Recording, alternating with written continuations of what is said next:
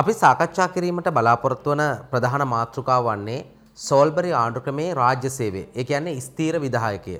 සාමාන්‍යයෙන් කැබිනට් ආණ්ඩු ක්‍රමයක තියෙනවා විධායකයන් වර්ග ත්‍රිත්වයක්. ඒ තමයි නාමික විධායකය, දේශපාලන හෙවත් සත්‍ය විධායකය, ඒ වගේම ස්ථීර විධායකය. තොර මේ ස්ථීර විධායකය කියන්නේ දරුවනේ රාජ්‍ය සේවයට. දැන් සෝල්බරි ආණ්ඩු ක්‍රමය තුළ මේ රාජ්‍ය සේවය ගොඩනැගුණු ආකාරය, ඒ රාජ්‍ය සේවය පාලනය කරපු ආකාරය දීර්ඝව සාකච්ඡා කිරීම සිදු කළ යුතු ප්‍රධාන කාරණයක් බවට පත් වෙනවා. දැන් බ්‍රිතාන්‍යෝ රාජ්‍ය සේවයේ ප්‍රධාන වශයෙන්ම ඒ පාලනය ලංකාවට ආවට පසු උන් ඇති කරගන්නවා. ඒ රාජ්‍ය සේවයේ හරහා තමයි ඒ සොකීය අත්දැකීම් සමුදාය එහෙම නැත්නම් ඒ වගකීම් සමුදාය ප්‍රධාන වශයෙන්ම පුරවැසියන් වෙත ගෙන යාම සඳහා මේ රාජ්‍ය සේවය උන් පවත්වාගෙන ගියා. දැන් එතකොට සෝල්බරි ආණ්ඩු ක්‍රමය තුළ මේ රාජ්‍ය සේවය මේ ආකාරයට ගොඩනගන්න. ඒ කියන්නේ අලුත්ම ආකාරයට නැවුම් ආකාරයට ගොඩනගන්න බලපාපු හේතු සාධක ප්‍රධාන වශයෙන්ම සාකච්ඡා කළ යුතු වෙනවා.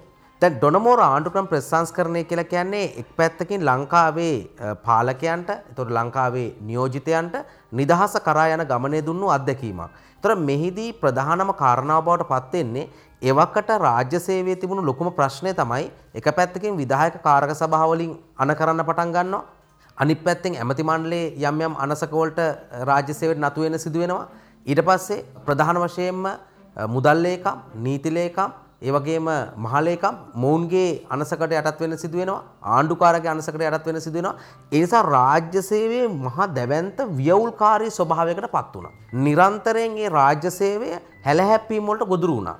අනිත් පැත්තට ප්‍රධානම කාරණා තමයි එක් එක් අයගේ අනසක ලැබීම නිසා යම් යම් තීරණ නිවැරදි ලෙස ක්‍රියාත්මක වීමක් දක්නට ලැබුණේ නැහැ. මෙන්න මේ කියන කාරණා මත සෝල්බරි ආණ්ඩු ක්‍රමය තුළ හරි විධිමත්ව මේ රාජ්‍ය සේවය ගොඩනැගීම සිදු කළා. අපි මේ රාජ්‍ය සේවය නැත්නම් ස්ථීර විධායකයේ කොටස් දෙකකට බෙදා ගන්නවා. ඉහළ රාජ්‍ය සේවය හා පහළ රාජ්‍ය සේවය වශයෙන්.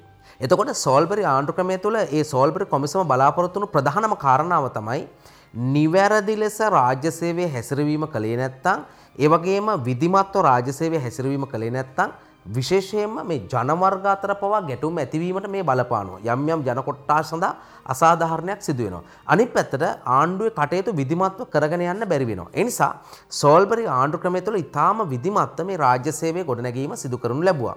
දැන් ප්‍රධාන වශයෙන්ම දරුවනේ ඉහළ රාජ්‍ය සේවය. ඒ කියන්නේ ප්‍රධාන වශයෙන්ම දෙපාර්තමේන්තු ප්‍රධානීන්, ඒ වගේම සංස්ථා ප්‍රධානීන්, අමාත්‍යංශ ප්‍රධානීන් ආදී ඉහළ රාජ්‍ය සේවය පත්කිරීම, මාරු කිරීම, උසස් කිරීම, ඉවත් කිරීම, විනය ක්‍රියා මාර්ග සියල්ලම සිදු කරනු ලැබුවේ අග්‍රහාණ්ඩුකාරයා විසින්. එතකොට අග්‍රහාණ්ඩුකාරයාට මේ කටයුතු සඳහා සම්පූර්ණ උපදෙස් දෙනු ලැබුවේ අග්‍රහාමාත්‍යවරයා විසින්. එනෝ අග්‍රහාමාත්‍යවරයාගේ නායකත්වය යටතට එම නැත්නම් මෙහෙයවීම යටතට සම්පූර්ණයෙන්ම රාජ්‍ය සේවය ඉහළ රාජ්‍ය සේවයේ පත් වෙනවා. ඒ කියන්නේ කැබිනට් මණ්ඩලයේ සාමූහික වගකීම කියන මූලධර්මය යටතට රාජ්‍ය සේවය පත් කරනු ලැබුවා. එතකොට දරුවනේ ප්‍රධාන වශයෙන්ම දැන් අමාත්‍යංශයක් භාරව ස්ථීර ලේකම්වරයෙක් පත් කරනු ලැබුවා. ඒ වගේම ඒ ස්ථීර ලේකම්වරයා යටතේ ඒ අමාත්‍යංශයට අදාළ වන දෙපාර්තමේන්තු වල ප්‍රධානීන්ව පත් කළා. ඒතර මෙන්න මේ විදිහට තමයි ඉහළ රාජ්‍ය සේවයේ මනා ලෙස පාලනය කිරීම සිදු කරනු ලැබුවේ. ඒ හරහා ස්වාධීනතාවයක් සිදුවෙන්න පටන් ගත්තා. ඊළඟට එක් එක් අමාත්‍යංශවලට පත් කරන ඒ ස්ථීර ලේකම්වරයා අදාළ අමාත්‍යතුමාගේ නැත අදාළ විශේභාර ඇමතුමත් එක්ක වැඩ කටයුතු කරගෙන යන්න ඕනේ. එහිදී යම්කිසි ආකාරයකට අදාළ විශේභාර අමාත්‍යවරයාට ඒ ස්ථීර ලේකම්වරයා පිළිබඳ ගැටලුවක් මත වුණොත් ඔහු එක වැඩ කරගෙන යන්න නොහැකි තත්වයකට පත් වුණොත් එහිදී සිදු කරන කාරණාව තමයි ඒ අදාළ අමාත්‍යවරයා විසින් අගමැතිවරයාට ඒ සම්බන්ධව පැමිණිල්ලක් ඉදිරිපත් කරනවා. එහිදී අග්‍රාමාත්‍යවරයාට පුළුවන් පැහැදිලිවම මේ ඉහළ කියන්නේ අමාත්‍යංශ බහර මේ ලේකම්වරු ස්ථිර ලේකම්වරු කියන්නේ ඉහළ රාජ්‍ය සේවයේ මාරු කරන්න පුළුවන් වෙන ස්ථානකට පත් කරලා යවන්න පුළුවන් මේ විදිහට විවිධ ක්‍රියාමාර්ග අරගෙන අලුත් ලේකම්වරයෙක් ඒ ස්ථානට පත් කිරීමේ හැකියාව තියෙනවා. එතකොට ඉහළ රාජ්‍ය සේවය මේ ආකාරයට සකස් වෙන විට පහළ රාජ්‍ය සේවය. ඒ කියන්නේ ඒ කාලේ හැටියට නම් රුපියල් 4080ට අඩුවෙන් වැටුප් ලබන රාජ්‍ය සේවකයන් සම්බන්ධව කටයුතු කිරීම සඳහා ඒ ඒ දෙපාර්තමේන්තු ප්‍රධානින් යටතට ඒවා පත් කරලා තිබුණා. එතකොට විශේෂයෙන්ම සුළු රාජ්‍ය සේවකයන් පත් කිරීම, මාරු කිරීම, උසස් කිරීම, විනය ක්‍රියාමාර්ග ඒ සියල්ලම ඒ අදාළ විශේෂභාර දෙපාර්තමේන්තු ප්‍රධානියා යටතට ඒ වගේම මේ අදාළ ආයතනයේ ප්‍රධානියා යටතට පත් කිරීම සිදු කරලා තිබුණා. සමස්තයක් ලෙස රාජ්‍ය සේවකයෝ පත් කිරීම, මාරු කිරීම, උසස් කිරීම, විනය ක්‍රියාමාර්ග ගැනීම සඳහා ස්වාධීන රාජ්‍ය සේවා කොමිෂන් සභාවක් පත් කළා. ඒ ස්වාධීන රාජ්‍ය සේවා කොමිෂන් සභාවට පුළුවන් ඒ රාජ්‍ය සේවකයන් සම්බන්ධව තීරණ ගැනීමේ සම්පූර්ණ බලය පූර්ණ වශයෙන් ඒ ඒ දෙපාර්තමේන්තු ප්‍රධානීන්ට හෝ ඔවුන් ඒ කල්පනා කරන අදහස් කරන ඒ ආයතන ප්‍රධානින් යටතට පත් කිරීමේ හැකියාව තියෙනවා. නමුත් කිසිම හේතුවක් මතවත් රුපියල් 4080ට වැඩියෙන් වැටුප් ලබන සේවකයන් සම්බන්ධව තීරණ ගැනීමේ බලයක් කාටවත් පවරන්න බෑ. එය අදාළ කොමිෂන් සභාව විසින්ම සිදු කළ යුතු වෙනවා. එතකොට මේ ස්වාධීන රාජ්‍ය සේවා කොමිෂන් සභාවේ සන්නිතිය තුන් දෙනෙක් වුණා. එතකොට ඒකේ සභාපතිවරයෙක් ඒ සන්නිතිට අනිවාර්යෙන් ඇතුළත් වෙන්න ඕනේ කොමිෂන් සභාවට. එතකොට මොවුන්ගේ නිල කාලය වසර 5යි අග්‍රාමාත්‍යවරයාගේ උපදෙස් මත අග්‍රහඬුකාරයා විසින් මේ කොමිෂන් සභාවට ඒ සමාජිකයන් පත් කිරීම සිදු කරනවා. එතකොට රාජ්‍ය සේවකයන් සම්බන්ධව පත්කිරීම, මාරු කිරීම, උසස් කිරීම, විනය ක්‍රියාමාර්ග මේ සියල්ල හසුරුවනු ලබන්නේ මේ ස්වාධීන රාජ්‍ය සේවා කොමිෂන් සභාව විසින්. එතකොට මේ ස්වාධීන රාජ්‍ය සේවා කොමිෂන් සභාවට කිසිම හේතුවක් මත පාර්ලිමේන්තුවේ දීමණ්ඩලවල මන්ත්‍රීවරු පත් කිරීමේ හැකියාවක් නැහැ. ඒ වගේම මේ කොමිෂන් සභාවට පත්වුණු අයට නැවත රාජ්‍ය සේවයට එකතු වීමේ හැකියාවක් ලැබුණේ නැහැ. හැබැයි නැවත නැවත ඔවුන්ට පත්වීමේ හැකියාව ඇති කරලා තිබ මේ කොමිෂන් සභාවේ ඒ ක්‍රමවේදය ගොඩනගන විට.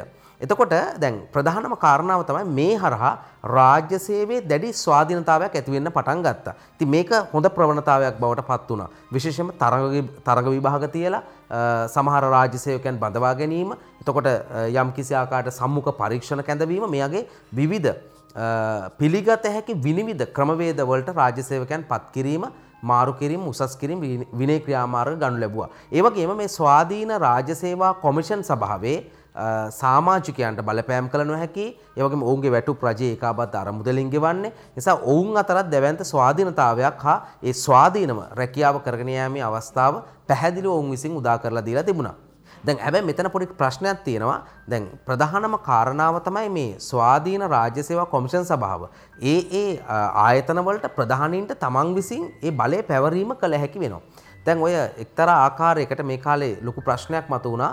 ප්‍රධාන වශයෙන්ම වාරිමාර්ග දෙපාර්තමේන්තුවේ නිලධාරියෙක්ව දිසාපතිවරයෙක් විසින් ඉවත් කරනවා. එහිදී ඔහු පැහැදිලිවම ඒ අදාළ නිලධාරියා විසින් රාජ්‍ය සේවා කොමිෂන් සභාවට පැමිණිල්ලක් කරනවා. එතකොට රාජ්‍ය සේවා කොමිෂන් සභාව එහිදී කියනවා ඒ ඉවත් කිරීම සාධාරණයි කියලා. නමුත් ඊළඟට තියෙන ප්‍රශ්නේ ඔවුන් පැහැදිලිව ප්‍රකාශ කරන්නේ නැහැ.